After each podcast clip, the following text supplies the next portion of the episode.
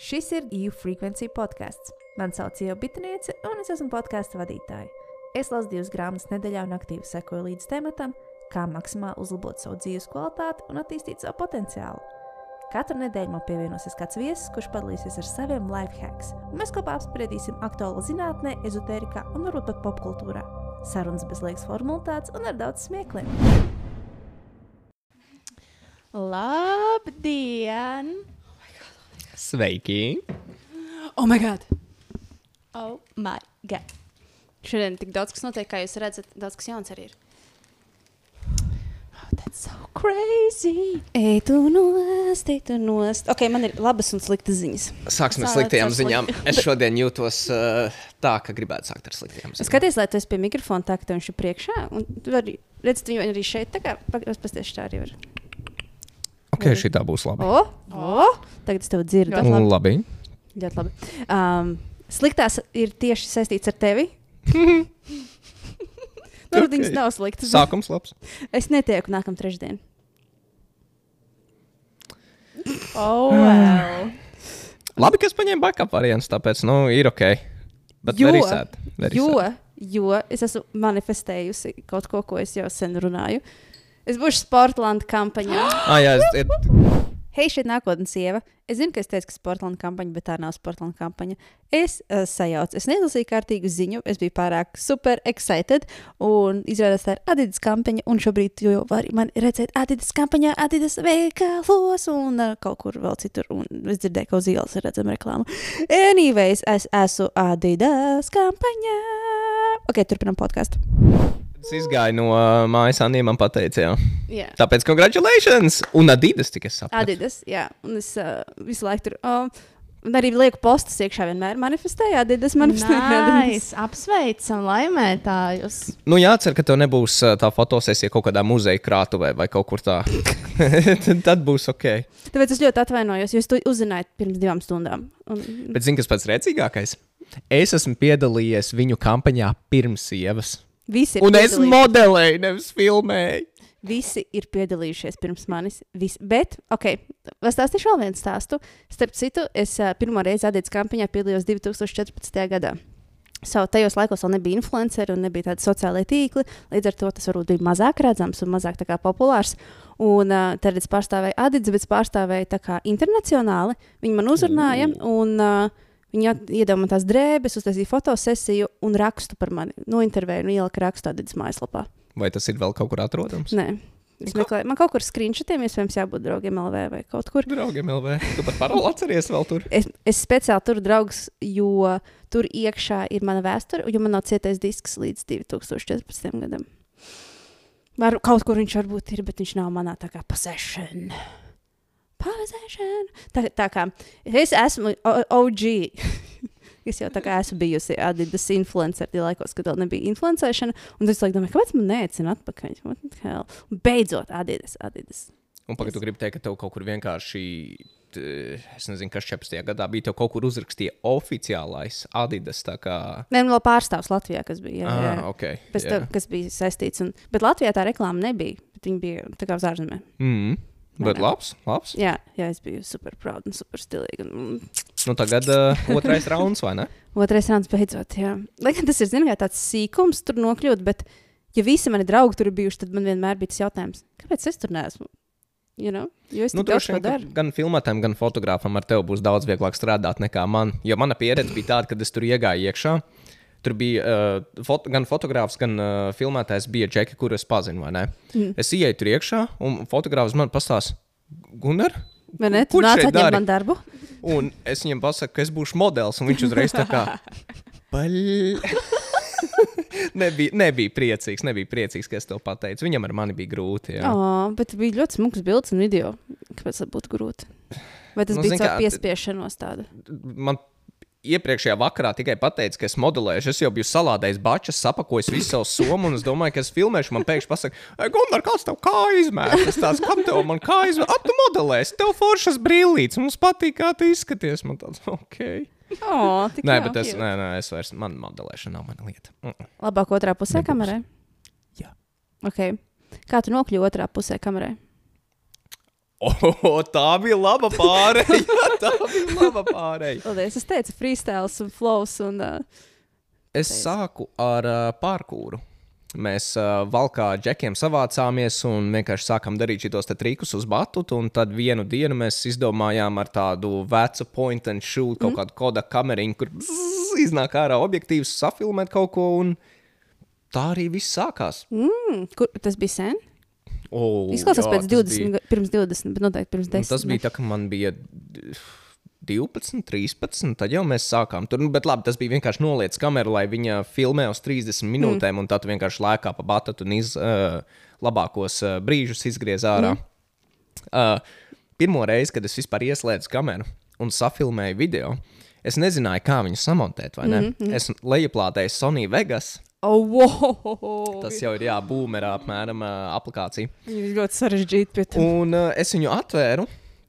Neko nesapratu, vai ne? Es ievilku video failu tur iekšā, es tur samontēju visu.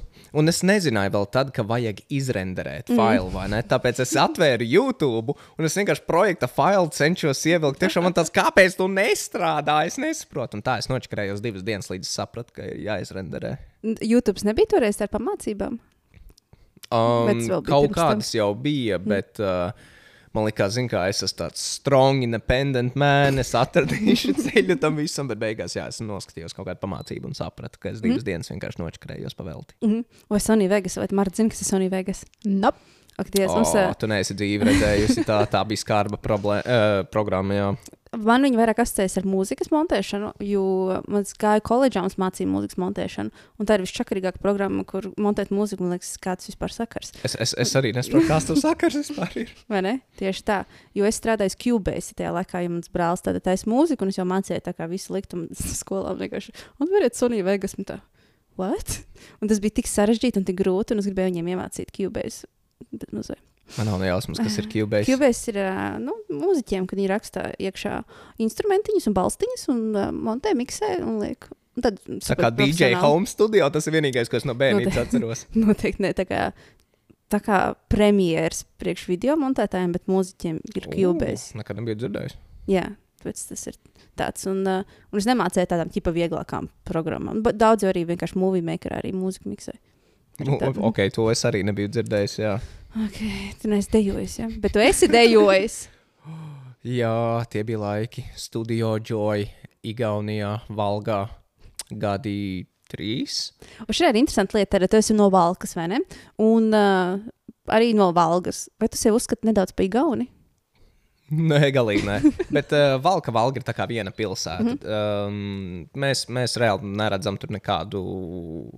Nu, tur nav nekādas barjeras, noslogojuma. Mm. Tur vienkārši mu- mums ir pat valkā tagad izveidot šūpoles, ka iešūpojies. Viena aiziet valgā, viens uh, vēziens, otrs aiziet atpakaļ valkā. Jā, O, jā, ā, pieraksta. Tāpēc mums tur ir pilnīgi mierīga atmosfēra. Jā. Agrāk tā nebija. Agrāk tur bija tomēr pa to, uh, kā to latviešu sauc, borders. Robeža. Robeža. Robeža, jā, bet uh, tagad tur pff, pa vagām, pa maziem celiņiem, pa vienalga. Visādi var tikt tur iekšā. Ah, inter... Nē, es vienkārši domāju par to, vai tev bija Igauni draugi. Es domāju, tādā ziņā, tas paņēma no viņa mentalitātes kaut ko augot. Uh, Vai tu māki Igauniski kaut ko pateikt?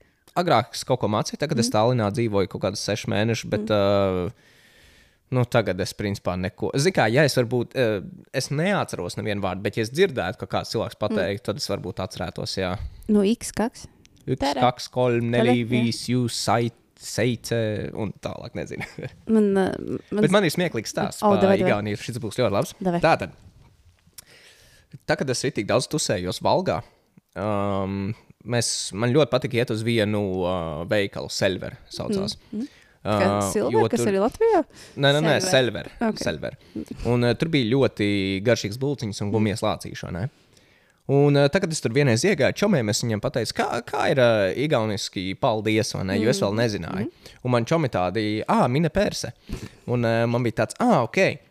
Un tad nākamos trīs gadus, katru reizi, kad es gāju uz Selveri, kad es kaut ko nopirku, es pateicu, mina perse. Un es vienmēr domāju, kāpēc uz mani tie pārdevēji vienkārši tādi ar šausmām izskatās. Es tāds, hmm. Un tad pēc trīs gadiem es beidzot uh, izdomāju paprasīt uh, vienam citam čomam, ko nozīmē tas mina perse. Viņš sāka rēkt. Viņš teica, tas nozīmē, ej, dirst. Tā tad es eh, trīs gadus pēc kārtas, kad iepirkos veikalā, es pārdevējiem smaidot, pateicu, ej, dirst. Šis ir mūsu tā jaunības joks, kad mums ir tāds ūdenskritums vai upe pērse, un tad viņiem tas ir, o, tā ir dīrs. Tāds, un? Jā, es, jau- nē, bet es tur tā savu seju vairāk nesu rādījis. No tā. Es domāju, gan. Galvenais, ka neviens tev neizlabo vai nepasaka kaut ko neiest pa seju.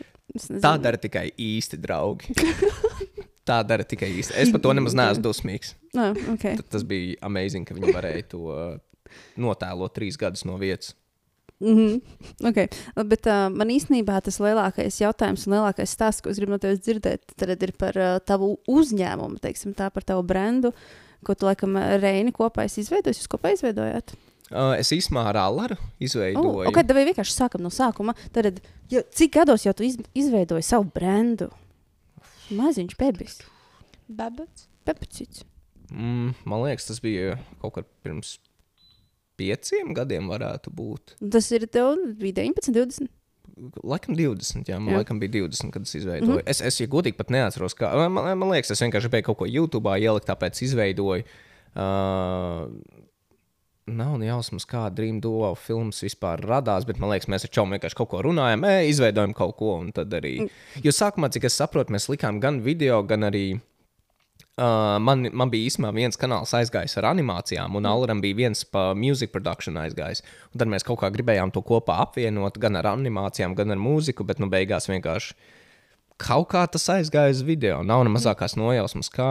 Gan jau kā kāzas. Cilvēks sāka piedāvāt kāzas, mums tāds. "Oh, Tu vari nopelnīt ar šo aktīvs. Un tad arī sākās kaut kāda tur. Uh, video. Jo sākumā mūsu kanāls bija uh, nosauc, mēs viņu nosaucām par Two Kids Freestyle. Mm. Tā kā mēs visus tos pārkūrējām, pārkūrojāt, bet nu, tas bija mm. vienkārši for Ah, tas sanāk, ka tad, tad, tad tas ir pamats, un tad viņš izauga. līdz Tad mēs sapratām, Duo. ka tur var kaut kā dabūt to uh, nu, skatītājus. Mm. Kaut kā daži video aizgāja, daži ne, un tad es nezinu. Tad, tad, tad mēs laikam vairāk sākām iet tajā visā filmēšanas procesā, vai ne?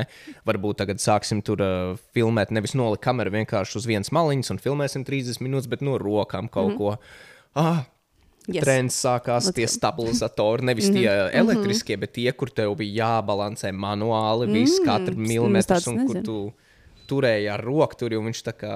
Tā kā svari. Jā, ar svariem visu, un tad ar to vēl sākām dinamiskos kadrus dabūt, un uh, te nu mēs esam, jā. Wow, Tā kāda transformācija. Pagaid, jā, tad jā tā kā mēs ejam-. Jā, tagad mēs ejam um, pakāpeniski. So, Dream Duo films jūs varat pačakot uh, YouTube. Cik jums ir subscriberi? Uh, se, tūlīt būs 71 tūkstoši. Un jums No. ir kaut kādam video miljons skatījumu. Jā, pusotrs miljons. Pusotrs jau miljons. Jā, Nice. Reins padarīja labu darbu, jā. Ah, tas ir viņa te dokumentālajā filmā. Jā, jā. Te, man ļoti, ļoti patīk tā filma. Kāds viņai bija nosaukums? Silence. Silence. Oh, tik labi. Tik labi. Check it out. Paskatieties, tu Marta arī. Mm. Mājas darbs. Ok, bet tā pieminēja kāzas. Ah, Man patīk kāzas stāsti. Mm -hmm. Es jā. gribu dzirdēt kādu nestī tādu, ah, what the fuck, kādu stāstu. Oh, oh, jā, jā, vai- lai sāk, nu tādi ir bijuši ļoti daudz. Sāksim ar to pašu okay. uh, vienkāršāko. Labi. Uh, Tūlīt būs iemesls, kāpēc neaicināt simts viesus uz savām kāzām. Tāpēc, ka tu tiksi apdirsts visur un visu laiku. Uh, iesi toltē, kāpēc tā gaļa nav tik laba, vai viņi patiešām nevarēja parūpēties, ka tā gaļa būs labāka. Ak, Dievs, tie pončiki galīgi no tā, kas iedomājas ārā, ir tik augsts, viņi nevarēja plētiņus uzlikt, kāpēc vecīts nav iededzināts, visur izskatās tumši, kāpēc gaismas nav, kāpēc mūziķi atpūšās 5 minūtes, kāpēc tas fotografē, fotogrāfs nefotografē, kāpēc filmētājs nefilmē. Apmēram tā. Un, um, Tādi gadījumi būs visu laiku.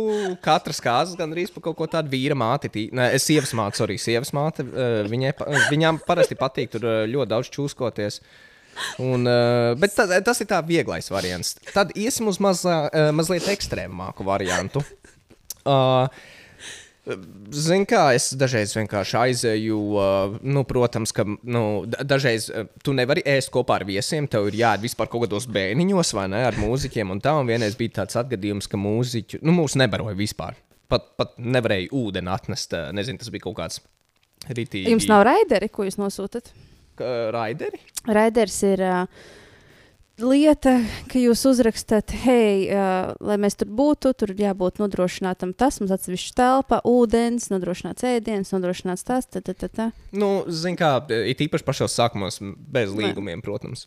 Mm. Strādājām tādu, un tomēr nebija tāda lieta, ko mēs nu, 21, 22 gadi. Es nezinu, es taču neko par to nesapratu. Tāpēc. Okay, bet, ja, ja kāds to grib darīt, tas ir, nu, ir jāēd, what the fuck. Nē, nu, jā, zini kā, man jau, mums jau tas arī likās, kā nu, normāla lieta, jā, jā. jo visu laiku tā ir bijis, bet vienas kāds tā nebija, un mūziķi bija tik dusmīgi, ka viņi principā aizbrauc prom. Hmm. Tad man ir. Es bij- esmu dzirdējis no mūziķiem šādu stāstu, vai tie ir tie mūziķi? Uh, Ne, es neskatās. nezinu, es, es neatceros katru reizi pavisam citu mūziku. Jā. Tad es esmu redzējis, ka viens pāris izšķīrās. O, Es gribēju tieši jautāt, vai kāds izšķīrās Kāzās? kāzās. Jā, jā. Es, Nice. es, es bieži, es bieži to stāstu esmu dzirdējis. Vai tā, ka, kāda bija situācija, kāpēc viņi izšķīrās? Man nav ne mazākās nezini. nojausmas. Es izgāju ārā, jo tur viņi tur ārā gatavoja kaut kādus, uh, nezinu, kaut kādus ornamentus. Es nezinu, priekš uh, gan jau ka kaut kādas izējas vai kaut ko tādu. Un, um, Es vienkārši filmēju tās detaļas, tur uh, pafilmēju pāris intervijas, jo tad jau cilvēki bija iedzēruši. Un tiklīdz cilvēki ir iedzērušies, viņi uh, nu, prasa, lai viņi kaut ko pasakā jauku pa pāri, jo tad vienmēr tur kaut kāds dīvains stāsts var dzirdēt. Jā. Un uh, es tā ceļu atpakaļ iekšā, un pēkšņi cilvēki vairs nesēž tur, kur viņam vajadzētu sēdēt, mm. un ir tādi uztraukušies, tāds uzpras, kas noticis. Uh, Līga viņa kaut kur pavisam prom aizbraukusi. Un tāds, ha? Kas, kas, kas notiek? un pie, Līga viens atnāk pie manis, Gunār, tu vari braukt mājās. Un pulkstenis ir kaut kāda deviņa vakarā. Man tāds, ha? Un man neko nepadeva ziņu. Es vienkārši iesēdos mašīnā un braucu mājās. un man Tas bija- samaksāja? Jā, Okay. Man uzreiz pateica, re, kur naudu viņa brauc mājās. Un, uh, es pēc pāris dienām uzprasīju, vai man uh, būs jāmontē video. Uh, nē, nevajadzēs, paldies. Un ar to arī visa saruna beidzās. Un tā es to video nekad nepabeidzu. Bet to samaksāja. Jā, Jā, tāpēc, tāpēc es, jau, es jau priecīgs, bet uh, nu, Līga- žēl, tā pārim. Mm, es nezinu, kas tur notika, bet nu žēl. Līgava pārdomāja. Es esmu dzirdējis, es, kaut tieši nesen lasīju par to, ka uh, notiek tā ceremonija, jau pasaka, jāvārt, un pēkšņi ierodas vēl viena čika, un kur ir stāvoklī no tā džeka. Tāds, nav, prot- vai tā ir taisnība vai nav taisnība, bet es pieņemu, ka tā varētu būt taisnība, zinot uh, cilvēkus. Katra, katrs Mm. kāds ir vienkārši piedzīvojums. Es arī ļoti daudz neķītras lietas esmu dzirdējis. Nofilmējis, atdzirdējis. Nofilmējis, neatceros, bet dzirdējis gan esmu. Jā. Nu, kad tu ienāc toltē un tur pēkšņi tur tajos, tajos kastītēs tur brīnumi visādi notiek. Jā, Kas tī- Kas ir? jā, Baksēs. jā tāpēc. Uh, Crazy. bet es esmu priecīgs, ka tas periods ir beidzies man dzīvē. Es vairs negribu kādas. Tā man kaut kas čarks tausīs. Mm. Tev arī čarkst? Var- Pārbaudām, visi bam, bam. mikrofoni ir iesprausti kārtīgi. Um, arī pašā zūmiņā. Tehniskā pauze. Bet varbūt tas ir austiņās tikai čarksts, un pēc tam nebūs tā čarkstuņa. Tā arī ir iespējams. Frekvenču maiņa. Mhm. Kaut kas tik, tik, tik, tik, tik, tik, tik, tik. Vēl joprojām? Mhm. O, pārstāj. Tas bija no austiņām, vai ne? Jā. Izrauj viņa austiņu, viņš neliet austiņas, lai viņš viss, viss nespelnīs. Paldies, es redzēšu.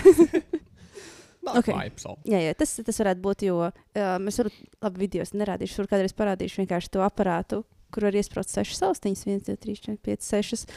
Un uh, tas man šķiet nav baigi labi. Bet uh, ir man šāda opcija šim Bet, nu, ja strādā, Strādā vienkārši kaut kāda kaut kāda čarkstoņa bija. Bet, uh, okay.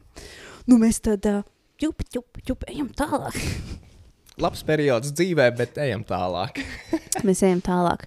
Um, tad lieta, ar ko tu tā kā pārsvarā nodarbojies, ir uh, tieši foto, video, accessoāru un pašu kameru reklamēšana. Cenšamies, jā, cenšamies. Kā tu nokļuvi līdz tam, ka brendi tev vienkārši atsūta šīs lietas, un vienkārši tev sūta, un es zinu, kas tas bija pie tevis mājās, un tur ir kastēm lietas, un tad tu nezini, ko ar viņām bez mazliet darīt. Tad, tad kā tu sāki ar to? sākums uh, bija ļoti veiksmīgs īstenībā, kas man iedeva to kickstartu. Ir, uh, ir tāda kompānija, uh, Julian Zions. Kuri mm. veido to stabilizators, un viņi ir uh, pasaulē otra lielākā kompānija, ja mēs runājam tieši par stabilizatoru veidošanu, aiz DJI. Un uh, es pat vēl nebiju sācis savu YouTube kanālu. Mm. Man tikai Facebookā bija pāris video, un uh, es uh, pirmo viņu produktu nopirku. Mm. Uh, par ļoti lielu summu, kas, kas bija visa mana nauda. Man bija tāds davai, bet vismaz tagad ir stabilizators. Mm. Un tad vienu dienu es izdomāju, ah, zini, ko man patīk viņa produkts, es viņam uzrakstīšu e-pastu. Droši vien, ka pateiks, nē, ko tu iedomājies bez kaut kādiem video mums te rakstīt. Tas uh, pisies prom. Negribēju tik skarbi izklausīties. Jā. Ej prom. Um, Un es viņam uzrakstīju, ka, hei, man patīk uh, jūsu produkti. Es ļoti gribētu izmēģināt jūsu jaunos produktus. Es jums uztaisīšu kaut kādas bildītas, video. Un, uh, es zinu, ka man nav nekāda materiāla, bet, nu, uzticieties man, trust me, bro.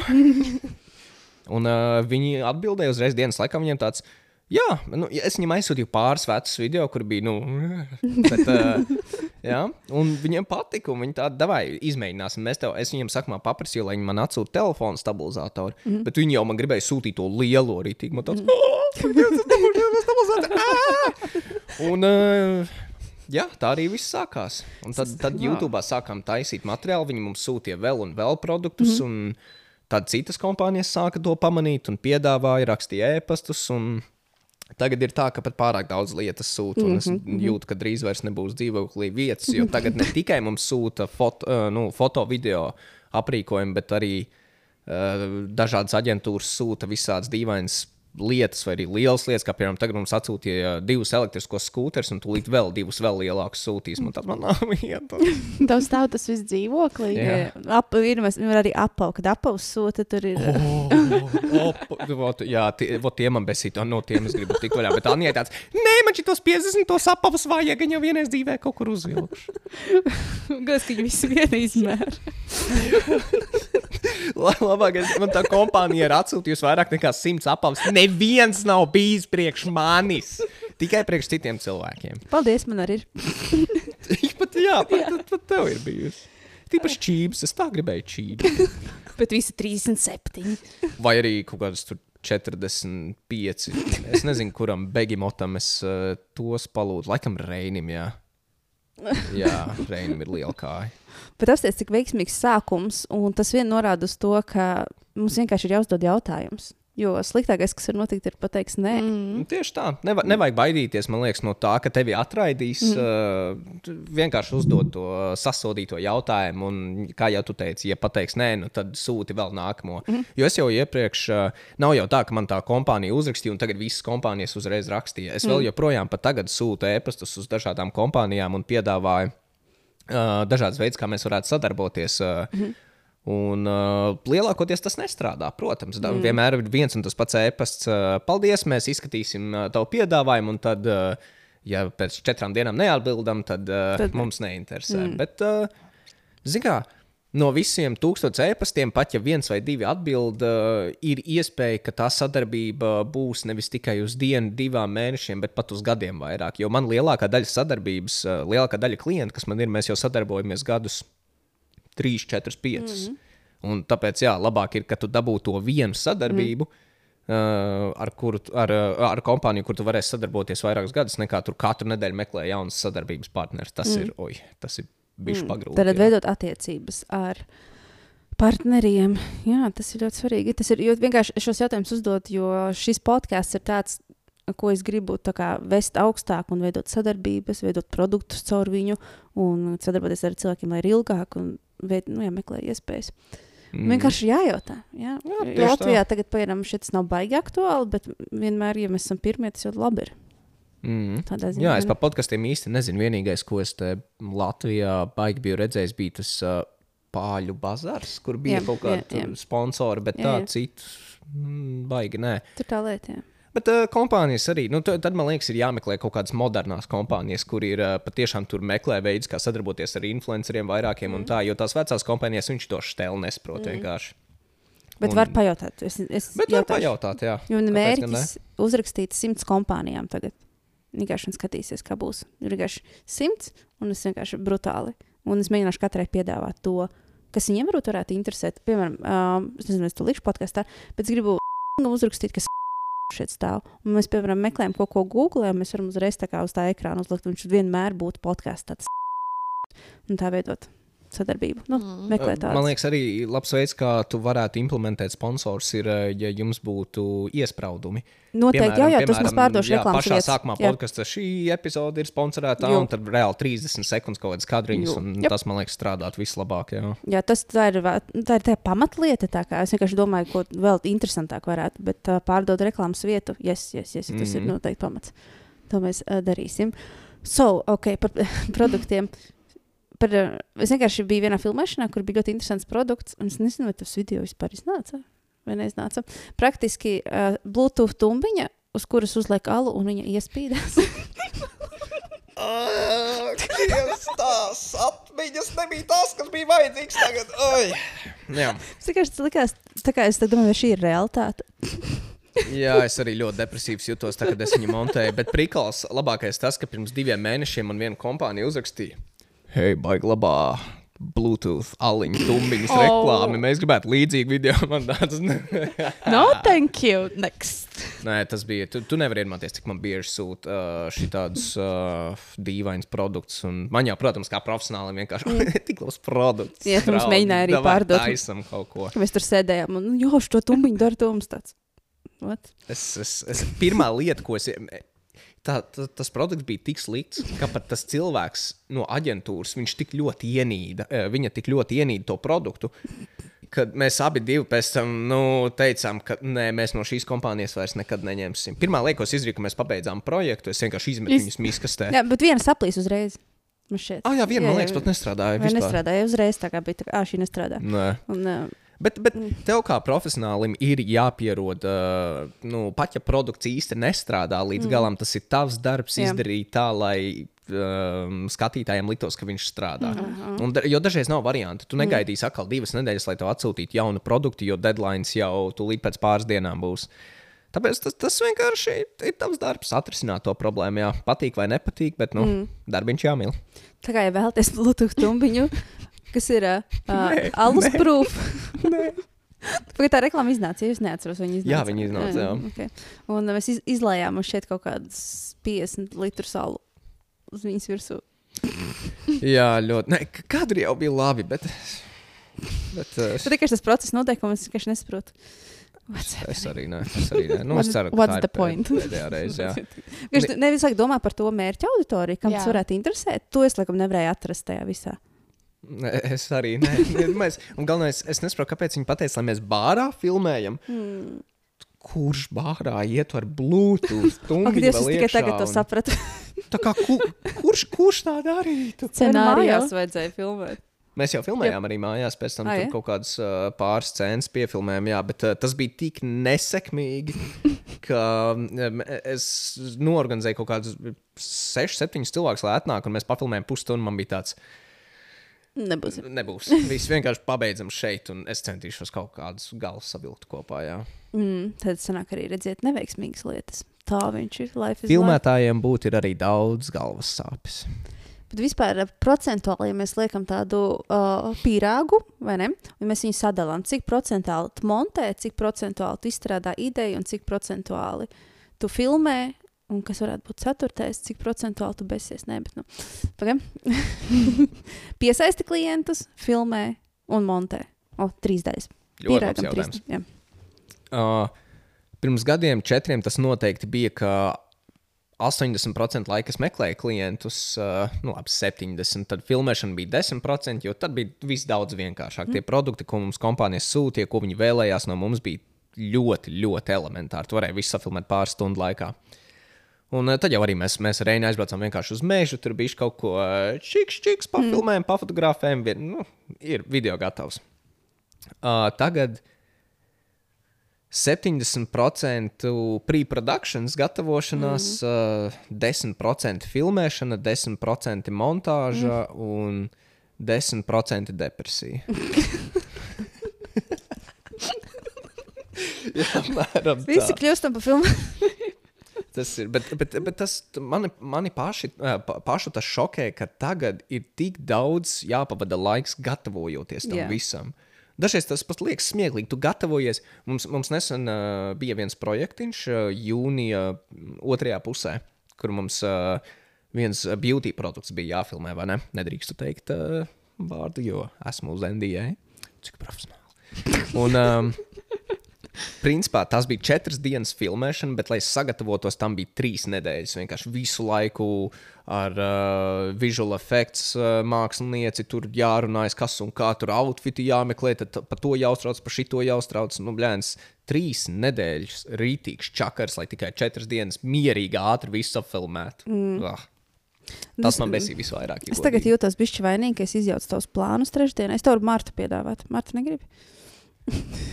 Zinu, kā es jau paņēmu speciāli tik daudz cilvēku, jo es Ah, ok. okay. zināju, ka tagad, augustā, es nezinu, kāpēc visiem.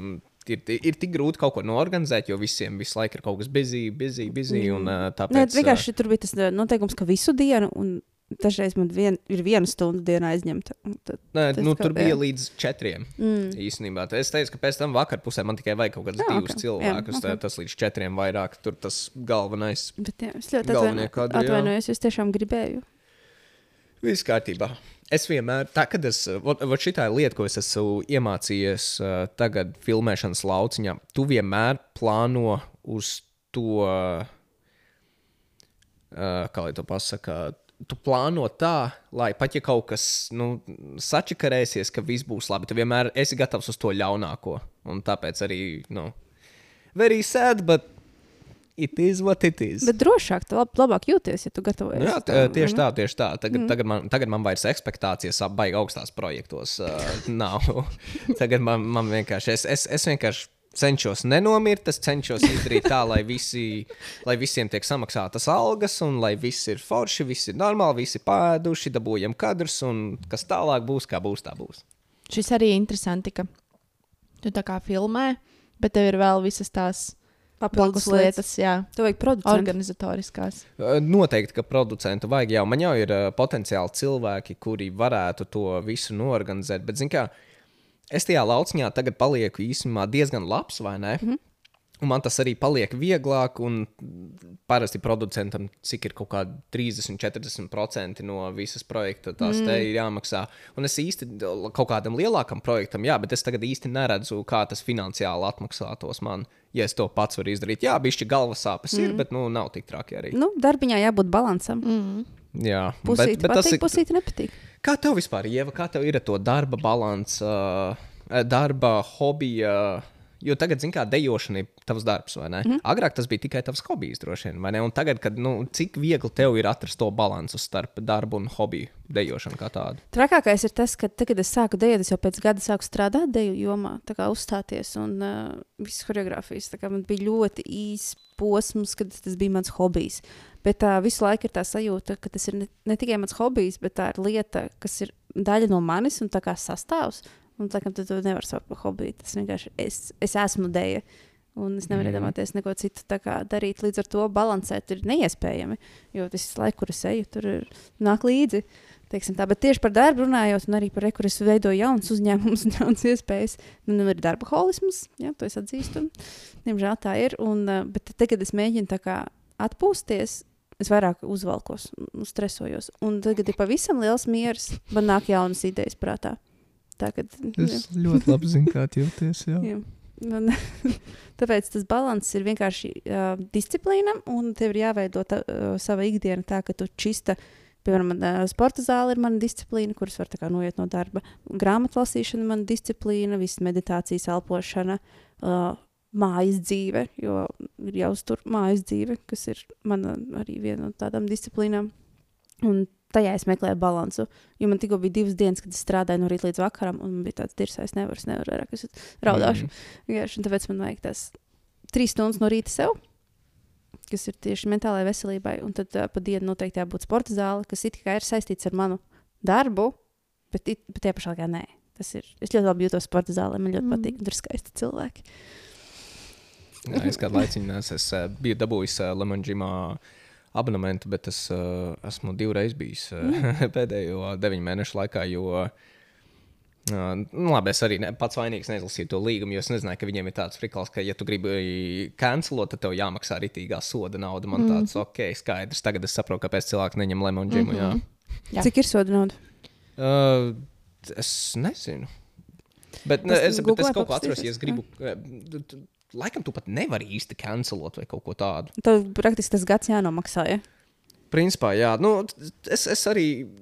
Es agrāk kritīgi daudz džimu gāju. Mm. Uh, tā kā, tā, kad uh, man bija no, nezinu, no 15 līdz kaut kur 20 gadi, nu, tā ka, nu, rītīgi būda bija tā teikt. O, o, o, o. Lai gan to pat te, tagad nekad nevarētu pateikt.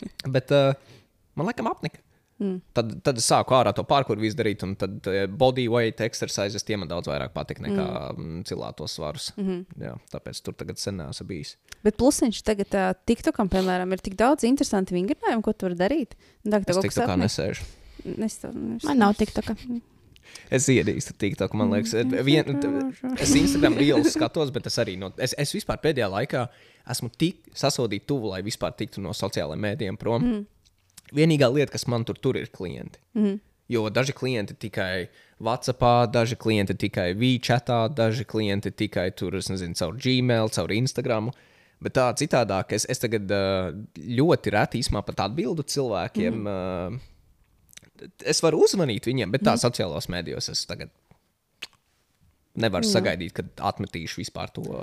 Nu, tā ir interesanta Viss. lieta, bet darbs tev ir saistīts ar to, lai veidotu kontentu. Ne, sociālajiem bet tas ir. YouTube. Jā, Tas ir. YouTube. Es pārējās vietās. Jo man ir- Jū- YouTube ir sociālais tīkls. Jā, jā, tas ir. Bet tā ir vienīgā vieta, kur mm. nu, tu īstenībā, manuprāt, uh, ja, tu, ja tu gribi, tu vari atrast tieši sev nepieciešamu informāciju. Tev mm. nav baigi jāmeklē. Instagramā tev, tev vienmēr tur kaut kādas reklāmas, ne, mm. no kurienes nu, totāli nevajadzīgas. Un, mm. lai tu atrastu to, ko tu tiešām gribi, vai arī kaut ko iemācīties, nav tik viegli to izdarīt Jā, kā. YouTube.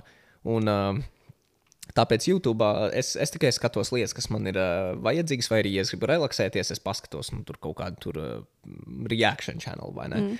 Es neskroloju stundu, lai mm. atrastu kaut ko tādu, ko es gribētu mm. skatīties. Tāpēc man Instagram, TikToks, viss.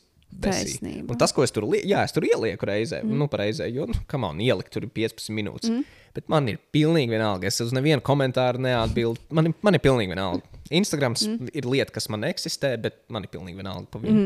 Mm -hmm. Tev nesaka besīt vispār. Nu, Man vienmēr šī sociālā tīkla. Bet Mārta grib kaut ko bet nu, teikt. tā jau arī dara.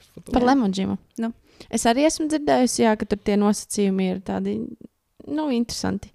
Bet uh, te ir nu, diezgan pieklājīgi uzrakstīts viņu noteikumos. Uh, viens variants ir, ka var pārrakstīt uz citu personu šos oh. abonementus arī, lai nu, nepakāstu. Mm. Un uh, otrs ir, ja klients atsakās no pakalpojumiem, un tajā nav sporta kluba vainas, klients ir tiesīgs pieprasīt atdot par dalību samaksātās maksas daļu. Mm. Tikai sēdzot sporta klubam tā rezultātā radušos tiešos zaudējumus, par Ah. kādiem uzskatāma klientam piešķirtā atlaide, iegādājoties ilgtermiņa dalību. Tas Jā, ir jā, jā. starpība starp klienta samaksāto dalības maksu, rēķinot mēnešos, Jā, jā. un reģistratūrā vai attālināti pārdotā mēneša abonementa standarta cenu. Un Tev Paldies. ir jāatmaksā praktiski visu, kam tu noslēdz līgumu. Nu, nekas vismaz tagad zinu, ka es tur vairāk neiešu. Tas ir interesanti, vai fitnesam ar tā ir. Nē, MyFitnessam ir daudz. MyFitnessam ir labi noteikumi. Jā, tāpēc jau visi cilvēki tagad iet uz to MyFitness, jo tur ir viss tik mierīgi. Slēdz līgumu, kad gribi. Man, man, man patīk MyFitness. fitness. Nu, Tā ir- nav reklāma, bet mēs tur ejam un es iesaku. Un tiešām patīk cilvēki, kas tur iet. Un Tā, kad, uh, Jūs esat bijis Lemonģimā un uzreiz jūtat, ka nu, ir citādāki cilvēki. Mm -hmm. Un tad aiziet tur un tur tāds.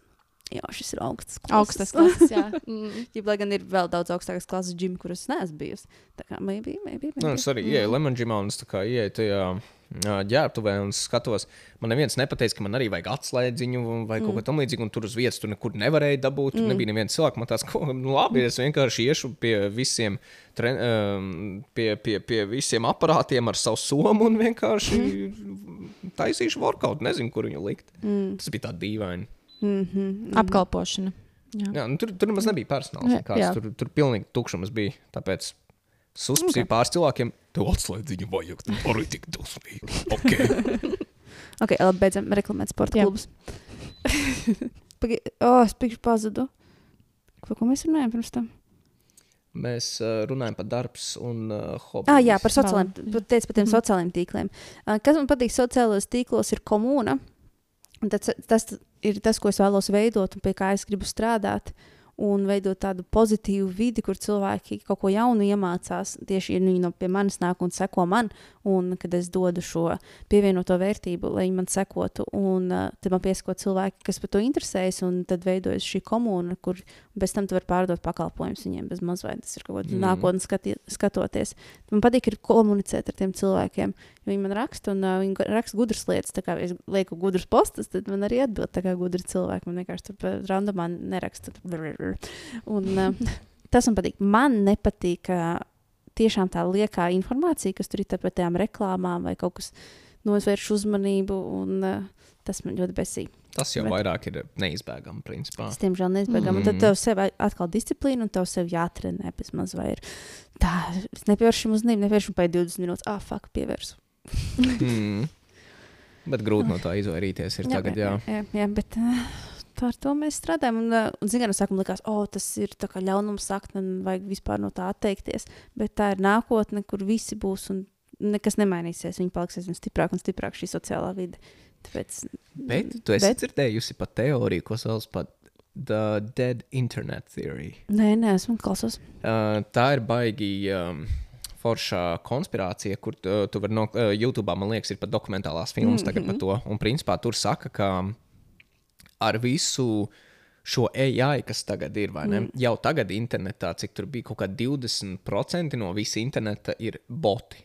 vai ne? Oh, shit. Un tagad ar to visu AI tas viss tik ļoti strauji attīstās, ka pēc gadiem, uh, kaut kādiem, cik tur teica, pieciem, sešiem, internets būs tā kā 80% boti un 20% reāli cilvēki. Tas nozīmē, ka internets kā tāds, tas, ko mēs tagad skatāmies uz, kā, nu, kā internetu, vai ne? Mm -hmm. Tāds tas vairāk vispār nebūs. Mm -hmm. Definīcija internets būs pavisam kaut kas cits pēc pāris gadiem, un mēs pat nevaram iedomāties, kas tas būs. Tā ir tāda interesanta teorija, par ko padomāt. Es telefonu izmetīšu Daugavā. Strādā no telefona. Bet tas AI īstenībā tīri forši. Ir, ir, ir. Es arī- pēdējā lietoju. laikā uh, spēlējos ar vienu programmu, kura video pataisīja AI. Nu, Jā, jā, tas redzēja. jā, tur var kaut ko labu uztaisīt īstenībā. Es, piemēram, nepiekrītu tam apgalvojumam, ka vairāk tā kā, cilvēki nebūs vajadzīgi, bet kurš tad nu, Radīs, ieslēdz to jā. AI? Mm, Zini, kā tā. kādam fiziski ieslēgt AI. Mm. You know. Viņi jau serveriem, cik es saprotu, ka ir. Un Nē, nu, es domāju, ja, piemēram, tas ir kompānija un tev vajag kaut ko radīt. Bet tev vajag cilvēku, kas aizies un ierakstīs to informāciju. Ne jau vadītājs ies lielām kompānijām, rakstīs informāciju, izveido un reklāmu tam un tam un tam. Tāpat ir vajadzīgi cilvēki, kas ar to AI strādā. You know? nu, Būs vienkārši citādāki darbi. Būs vienkārši tagad e, citas tas AI jau ir, profesijas. principā, viņš pats mācās. Tur Mhm. tā lieta. Tā, tā arī viņš, viņš vienkārši apkopo visu informāciju, un pēc tam tur savā serverī tur uh, viņu saglabā, un pēc tam cenšas izmantot to informāciju, lai uh, nonāktu līdz kaut kādam jaunam secinājumam. Un mm -hmm. viņš vienkārši pats mācās visu laiku. Jā, Mhm. Varbūt cilvēki pie- būs vajadzīgi tam sākotnējam, Ah, ok. tai sākotnējai uzbūvēi, bet Jā. pēc tam, lai uh, tur visas tās detaļas iekšā ieliktu, AI vienkārši pats mācīsies. Jā. Viņš pats piedāvās tev šo. Jā. Mm. Tagad jau tā principā ir. Mm. Jo pasies uz to chat GPT, cik mm. tur bija. Kaut kā pāris patsmit cilvēki to izveidoja. Tad tur nebija tūkstošiem cilvēku, tur bija pāris cilvēki īstenībā tikai. Un tagad tā ir populārākā lieta pasaulē, ko viņš pats mācās. Crazy. Bet galvenais, mm. mēs zinājām, ka tas nāk. Bailīgi. Bet nav arī tik traki. Es Jā. zinu, ka tā ir tāda lieta, kur ā, tie cilvēki, kuri no tā baidās un atsakās to izmantot, tie arī būs tie cilvēki, kuri Kur pirmie zaudēs? jā, zaudēs kaut Nē, ko. nu ir jāsako līdzi, protams. Mm. Jo tam chat. GPT, es, es viņas izmantoju, lai skriptus rakstītu. Mm -hmm. Vienkārši man nepatīk, es, es ienīstu skriptus rakstīt, bet man klientiem visiem vajag, un tāpēc vienkārši chat GPT, hei, write me a script, un viņš vienkārši uzraksta minūtes laikā visu, ko vajag. Tas arī atvieglo, jā, Jā, protams. taču. protams. Jā, es vadījis arī treniņu, bet es teicu, ka tas šis ir tā kā mākslīgā intelekta treniņš, kurš uztaisīs tā kā plānu jums. Ir. Un es esmu darījis. Bija Es mammai tieši teicu. Normāli jau tu biji. Bet, bet zinu, kas ir rītīgi forši skolotājiem šis palīdzēs. Mm -hmm. It īpaši ā, šeit, ā, Latvijā, skolotājiem ieteiktu ieteikt pamēģināt to AI, jo es zinu, cik jūs visi. Uh, nu, pa kādām smieklīgām summām jūs strādājat, uh, salīdzinot ar to darbu, ko jūs ieguldat. It īpaši pēc skolas. Daudziem cilvēkiem liekas, ka pēc skolas skolotājiem uzreiz beidzas darbs. Nē. Nē. Tā nav. Pēc tam vēl jāalbo lietas, jāgatavojas stundai. un Tas paprasa vēl 3-4 stundas no tava mm. laika. Un, bet tagad es mammai ieteicu arī jāpamēģināt, un viņa jau teica, ka tur tie eksperimenti, nu, sagatavot stundas. Un viņa teica, ka tie daži eksperimenti, ko AI iedeva, bija tīri labi. Mm. Bet man liekas, ja skolot, it īpaši skolotājs sākt izmantot šo ierīci, tad nu, varbūt pāris stundas nedēļā pat varētu sev iekonomēt, kas mm. vienmēr ir eh, nu, laipni gaidīts. Jā. Mm. Laba ideja. Un daudzi nezina, ka viņš latviešu arī runā. Viņš runā Jā, es biju tādā šokā. Tas ir labs. latviski. Tā kā tu pilnīgi chill, ja kāds baidās, tad vienkārši runājiet ar viņu latviešu. Man liekas, ka eh, vairākās uh, aplikācijās tur ir AI, un tad ieraksta latviešu, un viņš atbild latviešu. Oh, jebkura aplikācija, ok. Tu pat aplikācijas esi izmēģinājis kaut kādas tur. Uh, nu, piemēram, ir Notion. Zini, kas ir Notion? Mm.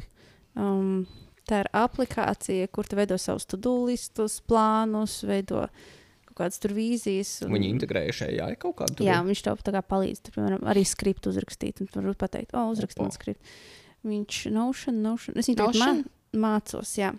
Un tur, tur arī būs e-frekvencija, visas lietas. Piemēram, mēs uztaisījām projektu Creative Sapulci, un tur rekursē, kas mums ir jāizdara, salieku bildītes, visur idejas, tā, tā, tā, tā, tā. Tas ļoti vienkārši okay, tā versijā. Un nosūta, vis, un nosūta visiem tā kā saviem mm. -hmm. tiem sapulces dalībniekiem. Un viņi paši arī var papildināt un visu likt iekšā. Forši. Un uh, tur ir quick note, task list, un tur, piemēram, ir frekvencija vīzija kaut kāda, un tad tad sarakstu vīziju.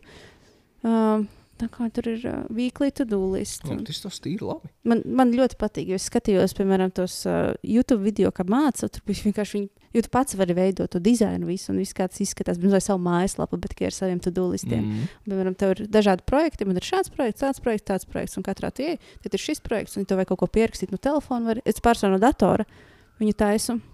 Un tad telefonā vienkārši arī ir pieeja. Īstenībā būs jāapstāsta, jā, jo man jau tie Mm. nauti ir apnikuši. Jā, jā, tur jau bija tā problēma, ka es arī visu notos rakstīju, un man ir tagad sajūta, man ir kaut kādi vairāk tūkstoši nauti, un man, man tagad ir tāds brīdis, kad I can't. Jā, jā jau- man jau tas arī sāk parādīties, tāpēc šito es uh, izmēģināšu. Jā, Jā. not sponsored, but please sponsor. Notion. Uh, this episode is brought to you by Notion. Latvijas, Jā, jā, Latvijas pēkšņi angliski sāk runāt. Um, ja kādreiz bija tāda iespēja, bija Anchor app, kur varēja likt tos podkāstus iekšā. Tagad viņi Spotify nopirka, tāpēc viņš saucās Spotify podkasters. Bet, anyways, uh, tur bija tā kā. Savā epizodē tu varēji ielikt Anchor reklāmu. Tur bija tagad Latvijas Latvijas, un tad this episode is brought to you by Anchor. Bet um, viņi maksāja naudu par to, ka tu ieliec. Neatkarīgi kādā O- valodā ir epizode. Opa, Jā, bet ok. okay. reklāmu ieraksta angliski. Bet es to neizmantoju. Bet, uh, Mūsu reklāmas būs angļu valodā. uh, jebkādā kādā vēlēs.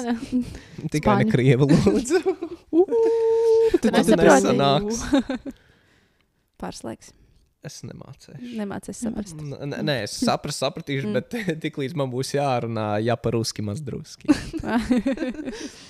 nē, nē, uh, noteikti. Ja mēs runājam Latvijas, Latvijas būs reklāmas. Mm. Mums būs pašām jāraksta. Nice. vai ne?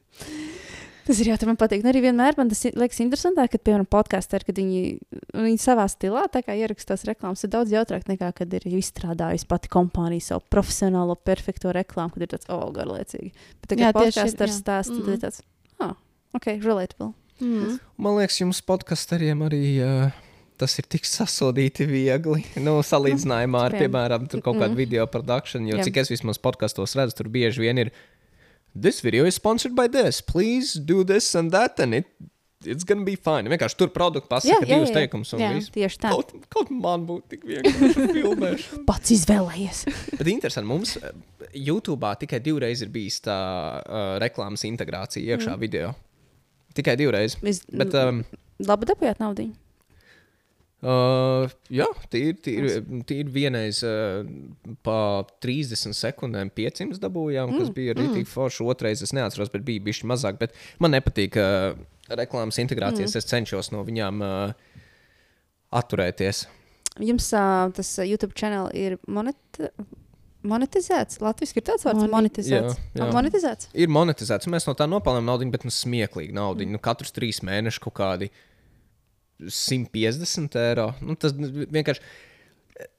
Tev ši, šis būs ļoti jānes, bet uh, Latvijā uzsākt YouTube kanālu latviešu mm. valodā, it īpaši, ja tavs mērķis ir nopelnīt naudu, tad tas ir pilnīgi bezjēdzīgi. Yep. Nu, protams, ir jau veiksmes stāsti, vai ne? Kā Roberts Vītoliņš, uh, piemēram, mm. ne, nu, viņam patiešām suprīgs kanāls ir un viss aizgājis. Bet, Piemēram, ja tu būtu Amerikā, tev būtu daudz, liela, nu, mm. daudz lielāka iespēja izsisties nekā Latvijā. Un šeit patiešām tev ir ļoti jāiegulda darbs un jāskatās uh, visi tie prikoli, kā lai uztaisītu to video tādu, lai cilvēks nepazaudētu uzmanību pirmajās piecās sekundēs. Nu, ir tik sasodīti grūti, tāpēc mans ieteikums būtu vienkārši a- angliski mēģināt vai, mm. vai, vai kaut ko vairāk. Nu, kaut, Es- kaut ko vizuālajā ziņā vienkārši mēģināt. Es jā. Uh, jau otro reizi izgāju Tonija Robins kursus. Un uh, viņi, piemēram, arī tur notiek tās lekcijas, un viņi tur stāsta. Iedomājieties, tātad apkārt jums ir miljons klienti. Tā, es nevaru Latvijā dabūt miljonus klientu. Ang angliski, jā, angliski Jā. runājot, es varētu Easy. tā kā vizualizēt mm. miljonus klientus. Viņi to, jā, bet vizualizēt miljonus. Mēs knapi de desmit tūkstošus varbūt maksimums var tā kā mm. -hmm. vizualizēt. Bet tā, jā. Bet labs jautājums, vai Latvijā vienkārši nepatērē saturu cilvēki? Arī. Jo, piemēram, mums arī nav podkāstu kultūra. Jā. Cilvēki vienkārši neklausās, neklausās. Neklausās. Mm. Mēs vienkārši skatāmies ārzemniekus. Tas, Mm. un, un arī, ja mēs runājam par. Ir liela atšķirība starp to, cik YouTube maksā par tūkstošu skatījumiem Amerikā un cik viņi maksā Latvijā. Nu, Latvijā šeit ir vienkārši smieklīgi. Eh, Tā kā Reinim aizgāja tas silence uh, video, cik viņš dabūja gan īsti pie miljonu skatījumu, un mēs beigās dabūjām tikai kaut kādas 700 eiro par miljonu skatījumiem, kas ir smieklīgi, jo Amerikā tur dabūtu kaut kādas 7, 8 tūkstoši par to, vai ne? Nu, Tāpēc nu, Latvijā vienkārši tas ir, tas ir smieklīgi. Tas bet, patiešām bet, ir bet smieklīgi. kāpēc? Jo tas video bija angliski. Un... What? Man liekas, tas nav atkarīgs no tā, vai viņš ir latviešu vai angļuiski, bet tas, kur tu atrodies. Jo mums jau tur YouTube visi papīri parakstīti ir par to, ka mēs atrodamies Latvijā un mēs kā maksājam visus tos nodokļus, Jā. balstoties uz Latvijas kaut kādu tur sistēmu. Un, ai, tajos nodokļos YouTube, man liekas, pat kaut kādi 40% vai vairāk aiziet. Tāpēc, eh, Mēs, mēs esam padevušies. Katru reizi, katru reizi, kad no YouTube trīs mēnešos ienāk nauda, man tā vienkārši "Ah, šodien vai aliņas varēs nopirkt. Jā, super. Jā, Tāpēc Motivācija. Bet es Motiv- YouTube arī nekad. Tāpēc mēs neņemam tos uh, integrētos sponsorus, jo es negribu, lai YouTube uh, mums kļūst kā lielākā daļa YouTuberiem, kur principā eh, vienīgais veids, kā viņi var uztaisīt video, ir, ja tas mm. ir sponsorēts. Citādāk viņi nevar. Mēs to negribam. Mm -hmm. Es YouTube redzu kā vietu, kur uh, Reinis uh, un es, mēs abi divi taisam uh, materiālu, taisam video, ko mēs paši gribam redzēt, kur mēs ieguldam to dvēseli un sirdi, kur mēs beidzot varam nedomāt par finansiālajām lietām, bet vienkārši uztaisīt to, ko mēs sasodīt gribam. Un Dope. tas ir, tas ir tas, ko mēs, tāpēc mēs arī YouTube tagad turpinām un cenšamies neņemt nekādus sponsorus. Tikai tad, ja mēs zinām, ka tie sponsori mums palīdzēs, uh, lai uztaisītu to video. Un tādi mums tagad ir. Nu, tas patiešām ir superīgi. Bet lielākoties mēs, mēs atsakām 90% sadarbības, ko mums atsūta. Cik daudz uh, gadā tu uztaisi video klipiņus priekš sevis savai dvēselē? Nu, tagad noteikti ir mazāk, bet es cenšos kaut kādus divus vai trīs. Jā. Man bija plāns augustā, tagad, bet, protams, kā jau vienmēr, lietas atliekas. Tur daži klienti tagad nevar atsūtīt produktus. Un, mm. Mm, jā, piemēram, šodien arī pēc tā podkāstu pirmā lieta, ko darīšu mājās, ņemšu uh, kameras somu un filmēšu video, jo tur pār, pāris lietas pārcēlušās un vienkārši mm, nav cita opcija. Gribētos vairāk, bet, bet zin kā, tā kā tā kvalitāte ir ļoti mm. augusi, tīpaši pēdējos mm. divos gados. Um, tā kā tev aug tā kvalitāte, tad nav arī tik viegli uztaisīt mēnešu laikā video. Mm. Jo tagad, it īpaši, ka YouTube ir uh, jau tāds klāsts ar cilvēkiem, viņi no tevis grib redzēt kaut ko citādāku. Un tas arī tev motivē domāt ārpus, ārpus šīs uh, kastes, vai ne? Mm. Un tāpēc nav tik viegli. Tev jāatrod, uh, it īpaši tagad, tu saproti, ka tu vairs nevari šo viens izdarīt. Tev vajag komandu. Agrāk tu biji stiprs, vecs, izdarīšu visu, ko vajag. vai ne? Tagad, ne, tagad uh, tu saproti, ka bez komandas nekas nebūs. Un uh, ir pat grūti uzsākt to plānošanas mm. procesu. Agrāk tas bija tā vienkārši pieslēgts, aizējis kafūzīt, es gribu šito. Tagad paiet vairākas nedēļas, kamēr es saprotu, vispār, mm. kas ir iespējams, kas nav iespējams, kurš palīdzēs, kurš nepalīdzēs, mm -hmm. kur dabūšu finanses tam visam, jo mūsdienās kas notiek pa brīvu, nekas. Oh, jā, šis man teikt, ir so, tā kā rezonē, jo uh, es tieši vakar biju treneris sapulce, un es domāju par to, ka kādreiz es taisīju, piemēram, atskaites koncertus, un es taisīju visu kaut kādus lielus projektus, un viss kaut kas notika, un es tik viegli viņus izdomāju, un tagad man ir jaunā sezona, un man jādzemdē ārā ideja. Vienkārši tā, ka es nevaru izdomāt, ne, man vajag būt kreatīvai, jaunai, mm. tā kā tur fresh, un, tā un mums ir 18. sezona, fucking, ko es vēl kreatīvi varu izdomāt. Um, Pats galvenais ir nes, n- nelikt uz sevi to spiedienu. Es arī mm. pa, pagājušajā gadā tik daudz mēnešu biju, kur es vienkārši piespiedu sevi iet uz to kafejnīcu un mm. tur izdzeru trīs kafijas un domāju, ka pēkšņi kaut ko izdomāšu. Tagad man ir vienalga, ja man nav ideja, nav ideja, ir ide- ideja, ir ideja. bet jā, redz, tas viens, bet man ir studija, man ir vairāk cilvēki, kas uz mani paļaujas uz manām idejām. Un, uh, lai viņi varētu nopelnīt, nevis es. Nu, tur, tur jau es, jā. man jau pilnīgi tas pats Jā, ir. Principā, un tomēr uh, ir bieži vien, nu, ka es cilvēkiem pasaku, ka man ir kaut kādas tādas idejas, būs sponsori, būs uh, projektiņi un tam līdzīgi. Un tad tie cilvēki uz mani arī nu, gaida, vai ne? Tīpaši tagad, kad es vienu milzīgu, milzīgu projektu un ka tā kompānija vēl nav samaksājusi, un es vēl esmu parādā cilvēkiem tūkstošus. Un, oh, Islande? laiku- Ja? Islande. Nē, nē ar, tur es- tā, tas klients ir zīmējums. Izskatījums. Ar viņu ir vienmēr bijis viss super. Es nedrīkstu vairāk par to runāt, bet, nu, jā, tur oh, besī, besī visu laiku tas čakars. Nu, jā, un es pabeigšu par to. Un uh, vienkārši kādreiz tos atskaites koncertus varēja uz daudzas sadarbībām, uz draugiem uztaisīt. Un lai, lai visiem būtu prieks, jo tas bija galvenais motivators. Mm. Kādreiz, kad, hei, mums visiem ir jautri, mums ir kontents, mums ir tas, un mēs vienkārši visi kopā esam. Tur nāk dziedātāji, tur DJ, viss un gaismas. Nu, viss ļoti profesionāli, ļoti augstā kvalitātē. Un es sapratu, ka tagad es to vairs nevaru izdarīt, jo ir vispār inflācija ir nenormāla. Visam ir cenas cēlušās, un katrs, protams, grib izdzīvot un grib ēst. Mēs esam šobrīd tādā punktā, kad, hei, man ir nepieciešams nomaksāt rēķinus. Es vairs nevaru pa brīvu vienkārši prikolu pēc iet tur taisīt koncertus. Un tāpēc šis, es domāju par to, kā tagad nākotnē vispār to darīt un kā ar to menedžēties. Lai būtu šie koncerti, jo es negribu taisīt parastos kultūras nama koncertus, ko citi taisa. Jo es jau biju uztaisījis 2018. gadā vienkārši nenormāli krūti, un tagad wow, lai- vienmēr gribu pārspēt to, lai viņš ir vēl tehnoloģiski advancētāks, ar vēl labāku kontentu. Un tas ir sanāk, baigi dārgi. Un tāpēc man šī ir tā, ko es rezonēju, kā tā sajūta Mm. kas man tagad jādzemdē tās idejas un jādomā, un viss. Un, bet man darbiņš man viņš īstenībā patīk. Un vienkārši tas mirklis ir grūts. Stulbākais, ka bieži vien droši vien ir. Uh, Tu saproti, ka tev ir šī kolosālā ideja, mm. bet finanšu dēļ tev Jā. tā ideja ir uh, jānošķeļ vismaz uz pusi, un tu zini, ka vairāk jā, beigās jā, nekas jā, tāds jā. nemaz uh, nebūs. Un tad tu vienkārši vidusceļā saproti, ka tu to darīsi vienkārši, lai varbūt sev kabatiņā dabūtu vismaz kaut kāds pāris eiro, jo tagad vairs tā tava ideja, tavs bērniņš ir galīgi nepiepildāms. Ja godīgi, es, es pat ā, daudz ko neesmu izdarījis. Es vienkārši tā, nē, es to nedarīšu. Ja es, es nevaru. Bet tā ir pareizā dabūt- attieksme. es Tu nevaru- uzreiz saproti. Jā. Jā, ja nebūs kvalitāte, tad nebūs. Man pat nav svarīgi tā peļņa. Man svarīgs, lai tas rezultāts ir super kvalitatīvs, mm. -hmm. inovatīvs un kaut kas jauns. Un, ja es to nevaru, man, ā, tas, to ne, jo es jau divus gadus taisu idejas, izrādāju to. Un vienmēr tas viss atduras pret finansēm. Un, diemžēl, Viss ir jāieguldās. nenormāli. Un, jā, nu, kādreiz varēja tur 500 eiro uztaisīt koncertu, un tagad vismaz 10,000 nepieciešams. Pa 500 eiro pat ēdienu knapi nopirksi, vai ne? Tur vairākiem cilvēkiem.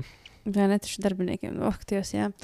Es domāju, kā es kādreiz varēju par tādu budžetu. Nu, mēs te taisījām, protams, un pofīgi tur tolti neviens netika tā, bet bija vairāk simti cilvēku šīs telpās. Bet es, Jā. Piln, es, es, Jā. es arī vispār Jā. nesaprotu. Es pirms trīs gadiem man klients iedeva budžetu 500 eiro. Es varēju patiešām nu, norganizēt kaut kādas trīs scēnas, vai ne? Mm. Dažādas, dabūt vairākus cilvēkus, sarunāt visu. Tagad viena scēna, principā, mums 500 līdz 1000 izmaksā. Mm. Un, ja klients iedod mums budžetu 2000, mēs tādu nu, divas scēnas mēs tev varbūt dabūsim. Jā. Pa mm. 1000 vispār viena scēna un viss nu, mm. ārprāts. Šīs depresīvās nots. uh, Bet nav arī tik traki. Tas viss liek uh, pušot vairāk. Jā, jā, jā. uh, Jo tagad ar, tā, ar to visu inflāciju es esmu sapratis, ka ne, es vairs nestrādāšu par tādām summām. Vienkārši šī ir mana summa un mm. viss. Un tas kaut kā strādāja. Tur vairāk nečakarējos ar uh, klientiem, kuri nav gatavi maksāt. Vienkārši šeit tikai mm. uz lielajiem klientiem, un tas mm. ir nostrādājis. Vienkārši vairāk nav tā, ka es. Nu, filmēju darbus, kurus zinu, kas beigās uh, nu, mīnusos iešu. Mm. Lai gan tāpat, pat, ja cenas augas, tāpat ir vairāk projektu, kuras pa nulītēm izēja beigās, bet tikai tāpēc, ka es zinu, ka es beidzot varu atļauties īstenot tādas labākas mm. idejas. Mm -hmm. Es domāju, ka man šis ir pārējais posms, kamēr sapratīšu, kā menedžēt ar jauno pasauli. Un arī es domāju, daudziem Latvijā tā ir, ka mēs beidzot sāksim strādāt kā ārzemēs. Pēc tam uz to mēs jo kādreiz mēs riktīgi strādājam. Tā kā lauka pagalma cilvēki vienkārši kaut ko, mm kaut ko tur saliksim kopā un būs ok. Būs super. jā, un tagad mēs riktīgi, jā, beidzot sākam domāt par to kvalitāti. Un mēs domājam par to, lai mēs varam viens otram samaksāt. Mm. Tas ir arī mums šķiet, jo kādreiz ir tāds. Nu. Davai, tas mans draugs, vai nāc tur pa brīvu, vai vai Mhm. vai. Un tagad jā, mēs mēģinām domāt par to, ka mēs viens otru atbalstam arī uh, naudas ziņā. Bet par Mhm. Īslandi. Ok, jums bija foršs procents uz Īslandi, yes. bet man bija jautājums īstenībā bija citādāks. Um, cik bieži sanāk, ka ceļot šajos darba jautājumos, kas ir saistīti ar atsūtu tehniku, un saka, "Ej, es negribētu Latvijā, bet pēc gribētu kādā citā valstī. Ļoti bieži. Vai ne? Mm. Tas ir tik krūti, ka vot, arī kāds līdz tam var nokļūt. Vienkārši pajautājot. Vot, es varbūt neizskatos pēc tāda, bet es īstenībā esmu. Uh, es, saso, es uzskatu, ka es sasodītu labu protu sarunāties ar klientiem. Mhm. Vispār mūsdienās ir tā, tā, es agrāk tam nepiekrītu, nezinu, kāpēc, bet tagad es tam piekrītu. Cilvēki, kuri prot runāt ar citiem cilvēkiem, var pierunāt, uh, ka tev pat būs nepieciešama nevajadzīga lieta, vai ne? Tu vari mm -hmm. pierunāt pilnīgi uz visu, tagad es tam piekrītu. Mm -hmm. Tev ir jāatrod pareizie vārdi, tev ir jānāk ar enerģiju. Ir jāsaprot, ka klientam svarīgs ir gala rezultāts, nevis tu. Mm. Mm. Un tā, kad es, ta, ta, tagad, kad es, piemēram, klients man izsaka ideju vai iedod kaut kādu projektu, es nevis uzreiz kaut kā pa sevi sāku runāt, ko es daru, bet es uzreiz sāku runāt par to, ko šis projekts varētu iedot uh, Viņiem, jā. viņiem jā, mm. kā es to paveikšu. Es visu mazās detaļās aprakstu. Es neuzrakstu tikai atbildi divos teikumos, es viņiem jau aizsūtu uh, Word failu ar visādām idejām, un tā es vienkārši. Un, un pats svarīgākais, es ar viņiem runāju kā draugiem, nevis ar klientiem. Mm -hmm, es neesmu mm -hmm. formāls tips, es nekad nebūšu tas superformālais, un tas ir sasodīt labi strādājis man. Mm -hmm. Un tāpēc es arī zinu, kuru es filmēju Islandē. Es zināju, ka Islanda nebija tā labākā, nu, absolūti labākā vieta, kur filmēt uh, stabilizatoru um, reklāmu, jo ar stabilizatoru tev ir jāparāda dinamiskas lietas vairāk. Bet mm -hmm. Islandē jau bieži vien tu esi dabā, tu neko baigi mm -hmm. nu, dinamisku nevarēji safilmēt. Mm -hmm. Bet es gribēju uz Islandu aizbraukt.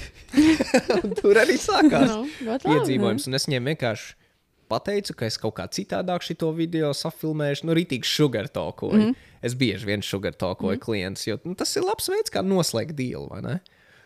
Un izdevās uz Islandu aizbraukt. Jā. Bet arī video ļoti Bet tu skaisti. dari ļoti labu darbiņu. Nu, video man Jā. ne īpaši. Tas, Nopietni? nē, Man man, video man ne patika. īpaši, jo tāpēc, ka tas nebija. Man patika ļoti iepriekšējais stabilizatoru uh, video, ko es uztaisīju, mm. kur es uh, safilmēju to. Uh, mot, uh, to dirt riding, un, mm. un, un, un tad horse riding. Un tā. Vot, vot tā, tā bija laba reklāma, jo jā, lokācijas varbūt nebija eksotiskas. Bet tu skaidri un gaiši varēji redzēt, ka tas video iztestēja to produktu. Islandē tu īsti neredzēji, ka tas būtu baigi iztestējis to produktu. Bija forši kadri, jā, bet no tehniskā skata nebija baigi labā reklāmā. Jā, bet pats galvenais, ka klientam patika. Tāpēc es to reklāmu nekur nelieku, jo man pašam mm. viņa nepatika. Un uh, prieks, ka klientam patika, bet nu, Es tikko sapratu, ka tu man nevis pārdevi stabilizatoru, bet pārdevi Islandi. Man. Jā, Bet, jā, jo, jo Islanda bija izskatījās ļoti forši. sasodīta skaisti. Tā ir tāda vieta, kur es gribu atgriezties. Mm. Žēl, ka viņi ir tik sasodīti dārgi. Nu, tur, tur patiešām uh, ir. Ja tu tur aizbrauksi ar kaut kādu tūkstošu vai divu tūkstošu kabatā, uh, tu varbūt izīrēsi mašīnu, bet tu dzīvosi bez ēdiena. Tur, Dievs. Tas, tas, tas, bija, vo, tas bija viens no tiem tripiem, kurus neko, var teikt, nenopelnīju. Tas bija diezgan brutāli. Jā. Bet es braucu uz Islandi. Vai ne? Un, bet mēs sarunājām, mēs, protams, gribējām vēl palikt foršā vietā, tāpēc mēs sarunājām ar vienu vilnu. Labāko vīlu Islandē. Mm -hmm. teikt, tur labākas vietas Es Mēs tur redzēju, paliksim pa brīvu tās deviņas dienas vai cik.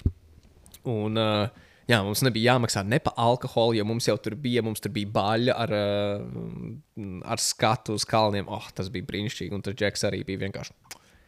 Nē, es Izskatījās tiešām fantastiski. Jā, Man tur- ciekliņi tecēja. Tur, tur, tur skati ir nereāli. Jā. Vienkārši nereāli. So, man katrs viesis atstāja jautājumu nākamajam viesim. Tev arī būs jāatstāj jautājums. Vai man būs viesim. kaut kāda informācija par nākamo viesi, vai n- Nē, Ok. Labi. tad es tev uzdošu jautājumu, kas ir atstāts. Mums Laura bija tāda Prusko, viņa ir kočs jauniešu.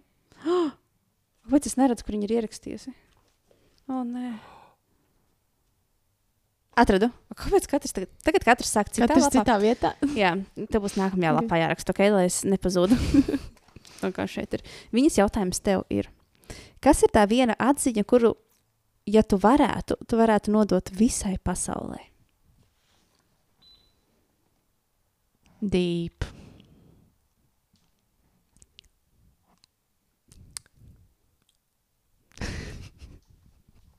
esi enerģisks. Mm. Tu nevari, ja, ja tu iesi pie cilvēka ar enerģiju, tad ir lielāka iespēja, ka jums tā saruna aizies kaut kur tālāk un varēs noslēgt dielu, vai arī varēsi, nezinu, vai arī, piemēram, ja mēs runājam par attiecībām, tad um, enerģisks džeks vienmēr būs uh, daudz vairāk tāds, nu, patīkams sievietes acīs. Bieži, mm. nu, visbiežāk, visbiežāk. Tā kā tu mm -hmm. patiešām uh, atnāc pie sievietes. Tu, tu ar enerģiju atnāc, tu priecīgs atnāc, tu, tu esi, var redzēt, ka tu gatavs kaut ko darīt. Esi, un, un, un, jā, vienkārši esi enerģisks. Mm -hmm. tas, tas, tas ir daudz, tas ir grūti, to es zinu. Nevienmēr ir viegli būt enerģiskam, bet uh, centies. Centies būt enerģiskam. Un parūpēties, lai vienmēr ir tas enerģiskums. Ja? Jā, jā. Tas ir uh, dzīves stiliņš. Jā. Know? Bet pēdējais jautājums. Vai ne? Tas izdzīvojas. Vai ši, ne, šis nebūs pēdējais, bet uh, šis ir papildus pirms jautājums. Vai šis tev bija pirmais podkāsts? Jā. Nice. Un uh, tad tagad ir pēdējais jautājums. Tad, kad tu nāc uz šejieni, vai tev bija galvā kaut kāda doma vai lieta, ko tu vēlēsies pateikt? Vai pat tēmu kādu parunāt? Vai tev pilnīgi vienalga? Nu, es noteikti nenācu šeit uh, kaut kādu jautājumu galvā. Jā. Es laikam esmu viens no tiem, kurš šeit nāca pilnīgi par to pat nedomājot. Mm, vispār. Jā, Galvenais būt divos. Es jau pieredzu arī kameras priekšā runāt, tāpēc man šī tas te ir. Uh, bet, bet, bet par kaut kādu lietu parunāt. Uh, es to līdzi sitienu izdomāšu. Oh, Man, okay, padomu jā. šitā Jā, tā. actually. Es gribētu parunāt par to, kā jūs sākat skatīties uz mazajām lietām pasaulē vispār. Tagad ir īpaši šī drastisko maiņu pēdējos trīs gados ar Covid, un tagad, kad daudz cilvēku sēž mājās, kā jūs skatāties uz mazajām lietām pasaulē, vai vēl joprojām ir bieži vien. Jo zinu, ka tu jau tu esi tāds cilvēks, kas bieži vien var staigāt, tu ieraudzīsi pēkšņi kaut kādu lapu, kura nav tādā krāsā kā pārējās lapas, un tev ir tāds, tu apstāsies, un tev būs pilnīgi vienalga, vai tu esi ceļa vidū vai uz jumta, tev būs tāds, ah, skaista lapa krīt. lejā." Un vai vēl joprojām ir tā, ka tu izbaudi šīs mazās lietas, vai tagad jau kind of jūti, ka sāc distancēties no šīs? Redzēt, ka mēs ar Gunteru esam pavadījuši laiku. man mākoņi labāk patīk. Es die- es braucu pie stūres, man tāds. Ceļš, ceļš, ceļš. Oh. Es dievinu, es dievinu visus šos sīkumus, joprojām zvaigznes, lapas, mākoņi. Vai uz asfalta dažreiz ir, kad no mitruma ir kaut kāds izveidojušies zīmējumi, vai arī tikai, kad dēļ ir nolijusi kaut kur un tad veido tos zīmējumus. Visi ir, pff, joprojām tas man, kad, nu, tā ir mana ikdiena. Tas nav kaut kas apzināts, tas vienkārši ir tāds, nezinu, varbūt ir iemācīts. Man jāpadomā, laikam, pie tā, bet es eju un man tāds. Oh, tur arī kaut kādā kokā iegrabts kaut kāds tāds zīmējums. Tāds, jē, tik skaisti. Es laikam attālinos no šīs tālinies, ja? Es uh, jūtu, jā, kaut kā vairāk nevar iedziļināties tajās mazajās detaļās. Jo varbūt tev ikdienā pārāk daudz kas notiek. Un galva ir tā kā Katru dienu jauns hausā. piedzīvojums. Jā. Mm. Es neteiktu, ka galva haosā, protams, nogrums ir, bet kā, ta, šī tāda stadija, kur es nevaru vairāk apstāties, tas, tas, mm. tas vienkārši tā nav. Tāpēc jāmeklē kaut kā. Nu, protams. Meditācija. Vot, es meditācijā esmu vairākas reizes mēģinājis, un man ir sanācis, vai mm -hmm. ne? Bet uh, laikam nav mans. Tajā formā, kā. Nē, laikam tajā formā. Tajā formā, ko kādā- mēģināji. Jā. Jā, kaut, kaut kā citādāk man to meditāciju. Jo Viena no nomierināt- meditācijām, kas man ir, ir noteikti, kad es uh, ieslēdzu uh, uh, mūziku Mm. un nevis kaut kur pastaigājos, nevis tā, bet vienkārši krēslā tādā aizmugurē un vienkārši pārubies apmēram. Nu, nevis aizmirst, bet Snūzo. neko nedomā, klausies mūziku. Tā ir mana tipa meditācija. Um, Un iz- aiziet jā, jā. ārā, pastaigāt ar kameru. Mm. Kad man nav nekāds projekts, kad es vienkārši, es, piemēram, tikko es nevaru sagaidīt, kad es šo varēšu izdarīt, jo man visu laiku iztrauc, tā, kad es to gribu izdarīt. es nopirku vecu PSRS laika objektīvu, mm. manuālu, rītīgi maziņš. Bet viņš ir visdīvainākais objektīvs, ko savā mīž, uh, mūžā esmu mēģinājis. Es kā viņš, viņš ir tik as, bet tik neperfekts, tik sabojāts, tik dīvains. Es nevaru sagaidīt, kad es vienkārši aiziešu uz mežu, pastaigāšos un uzņemšu visstulbākos kadrus, kādus var iedomāties. Kaut vai lapas.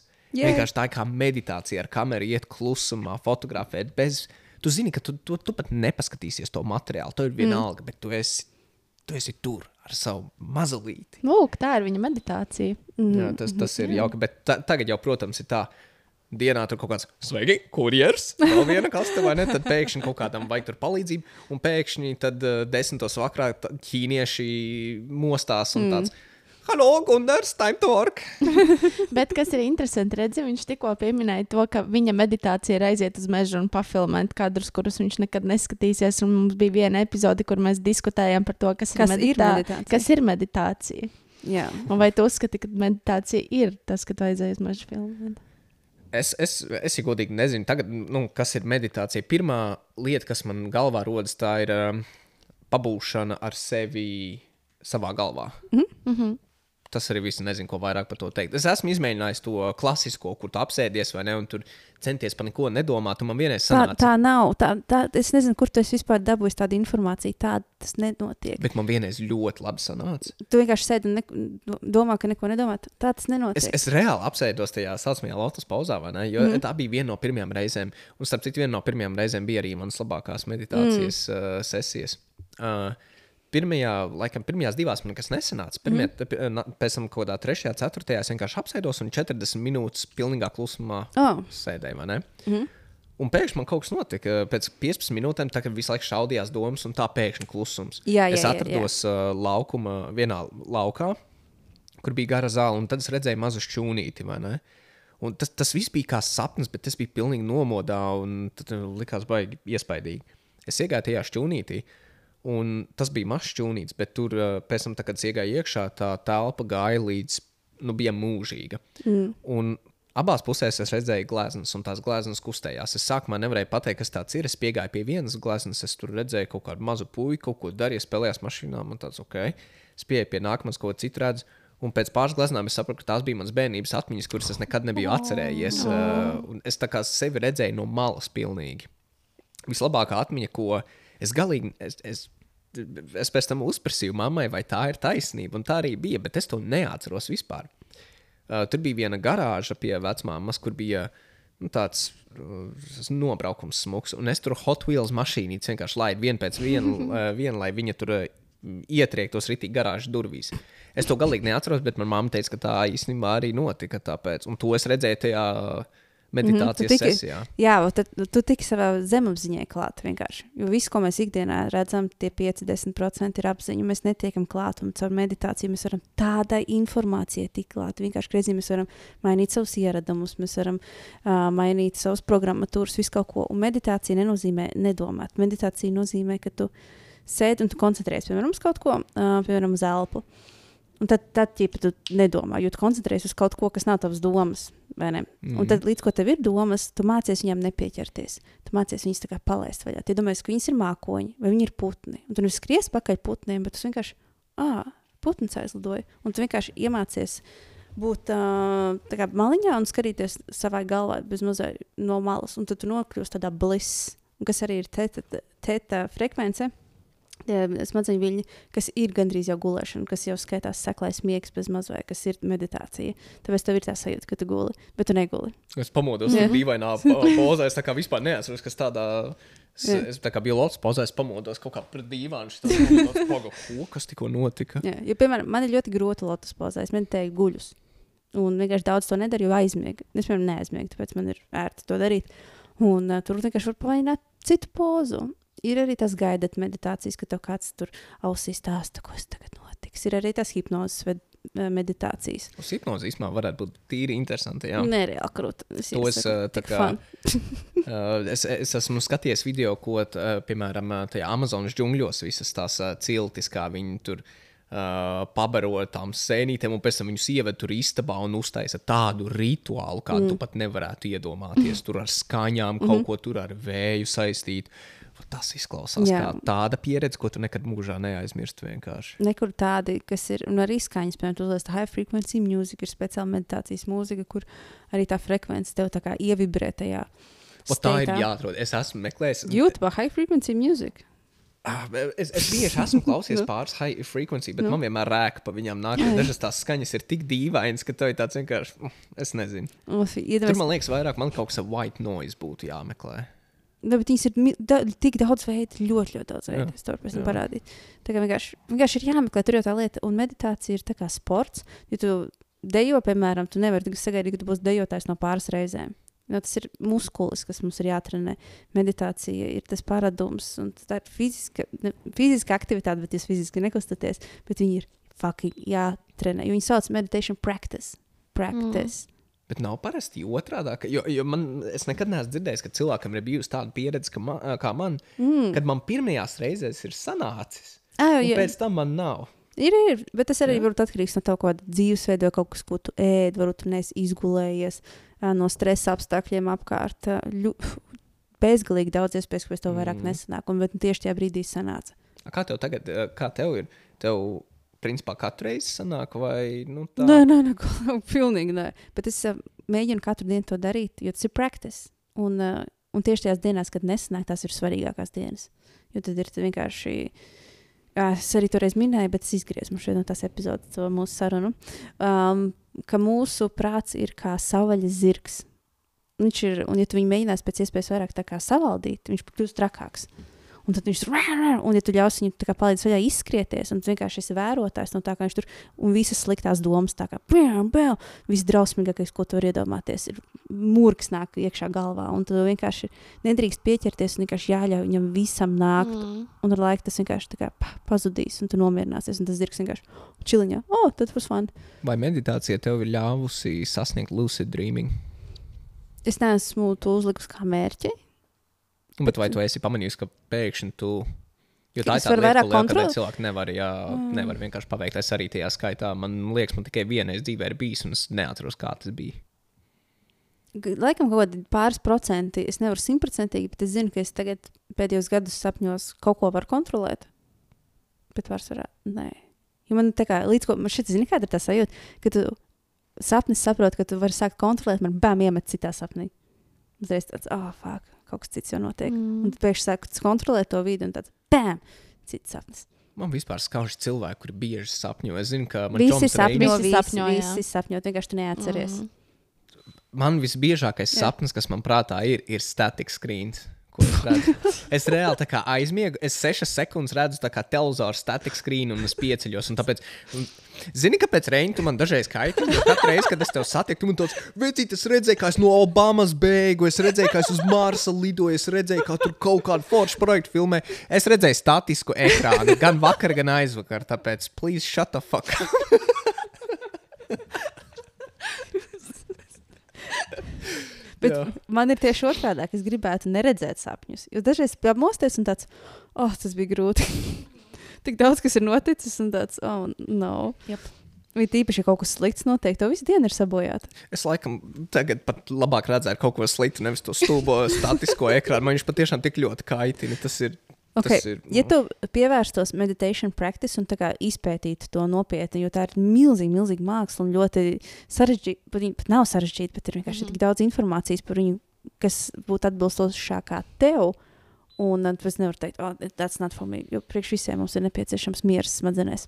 Nē, meditācija Un, es jā. teiktu, ka būtu Jā, bet vienkārši vienkārši kaut tas veids. Jā. metode. Jā. Okay, jā, jā. Nenormāli, nenormāli daudz metodas ir. Fucking pa, ļoti daudz. En, en, en, es aizmirsu, ko es gribēju teikt. Atcerējos.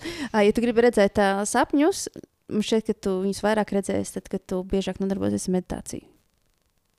Maybe, nezinu. Jo Jā, pastāv, mēģinu. jo pastāv. Es neesmu eksperts šajā jomā. Vispār nē. Vispār ne.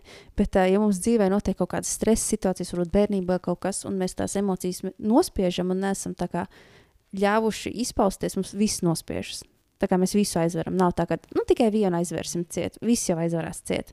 Un daudziem cilvēkiem neredz sapņus, tāpēc ka viņi ir vienkārši sevi aizslēguši.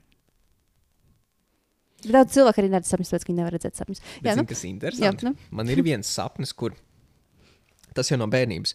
Tad, kad es to sapni redzu, es jau sapnī zinu, ka es piecelšos slims.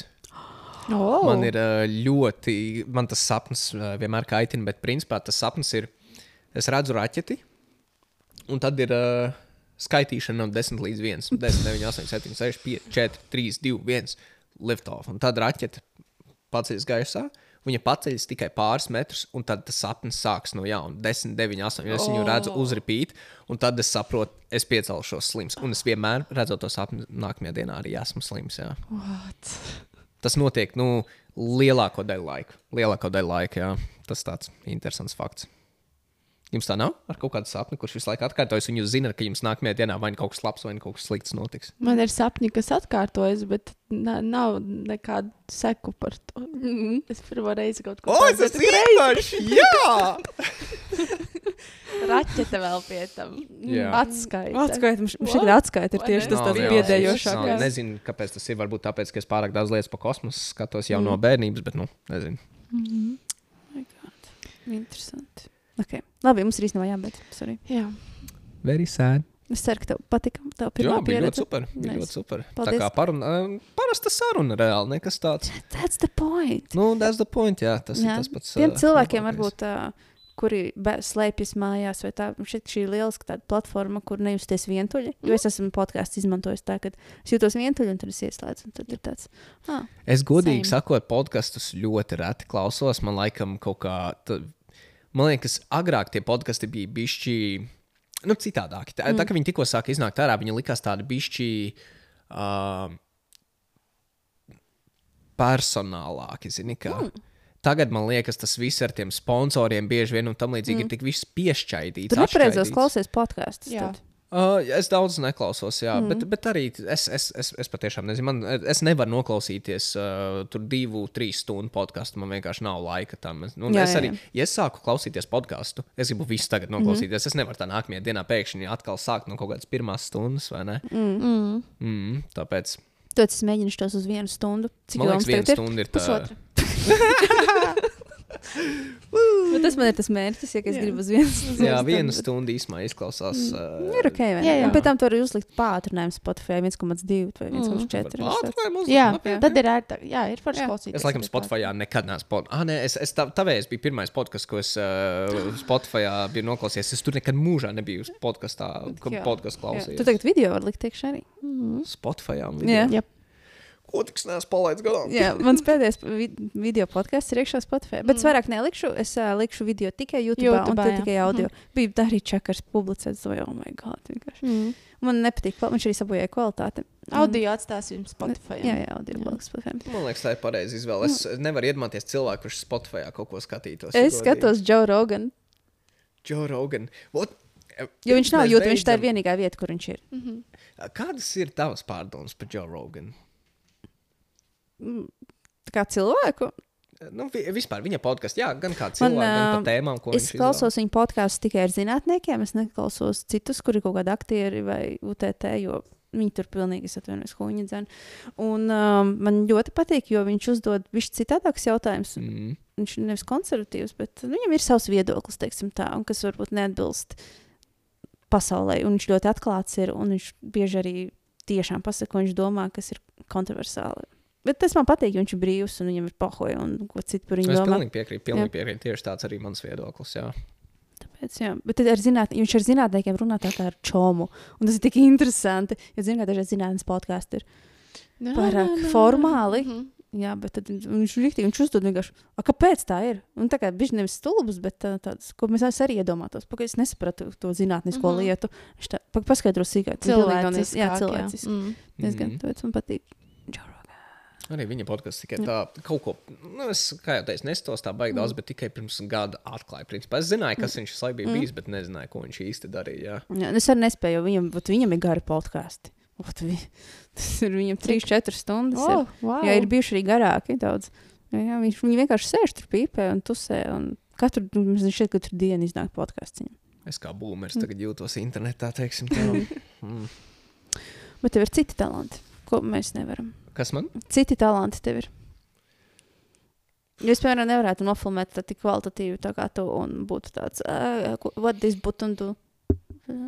Nu, es teiktu, ka tas pagaidām ir pārņēmis uh, manu dzīvi, bet tā, nu, talanti es uh, protu šāhu spēlēt. Oh. Um, es uh, vēl kaut ko no dejošanas protu. Nu, Lai gan mm -hmm. katru reizi, kad uztaisu tos moves, es jūtos kā invalīds pāris dienām, bet nu vēl varu izdarīt. Es vēl akrobātiku arī varu izdarīt. Tas ir tomēr tāds skills, kas īsti tu varbūt nevarēsi tik uh, milzīgus trikus izdarīt, bet nu, tos basicus tu visu mūžu mācēsi. Es kaut mm -hmm. kā nevaru iedomāties, ka es vienkārši aizmirsīšu, kā to mm. darīt. Tā, man liekas, tāds nenotiek. flipu, piemēram, ja. Oi, backflips.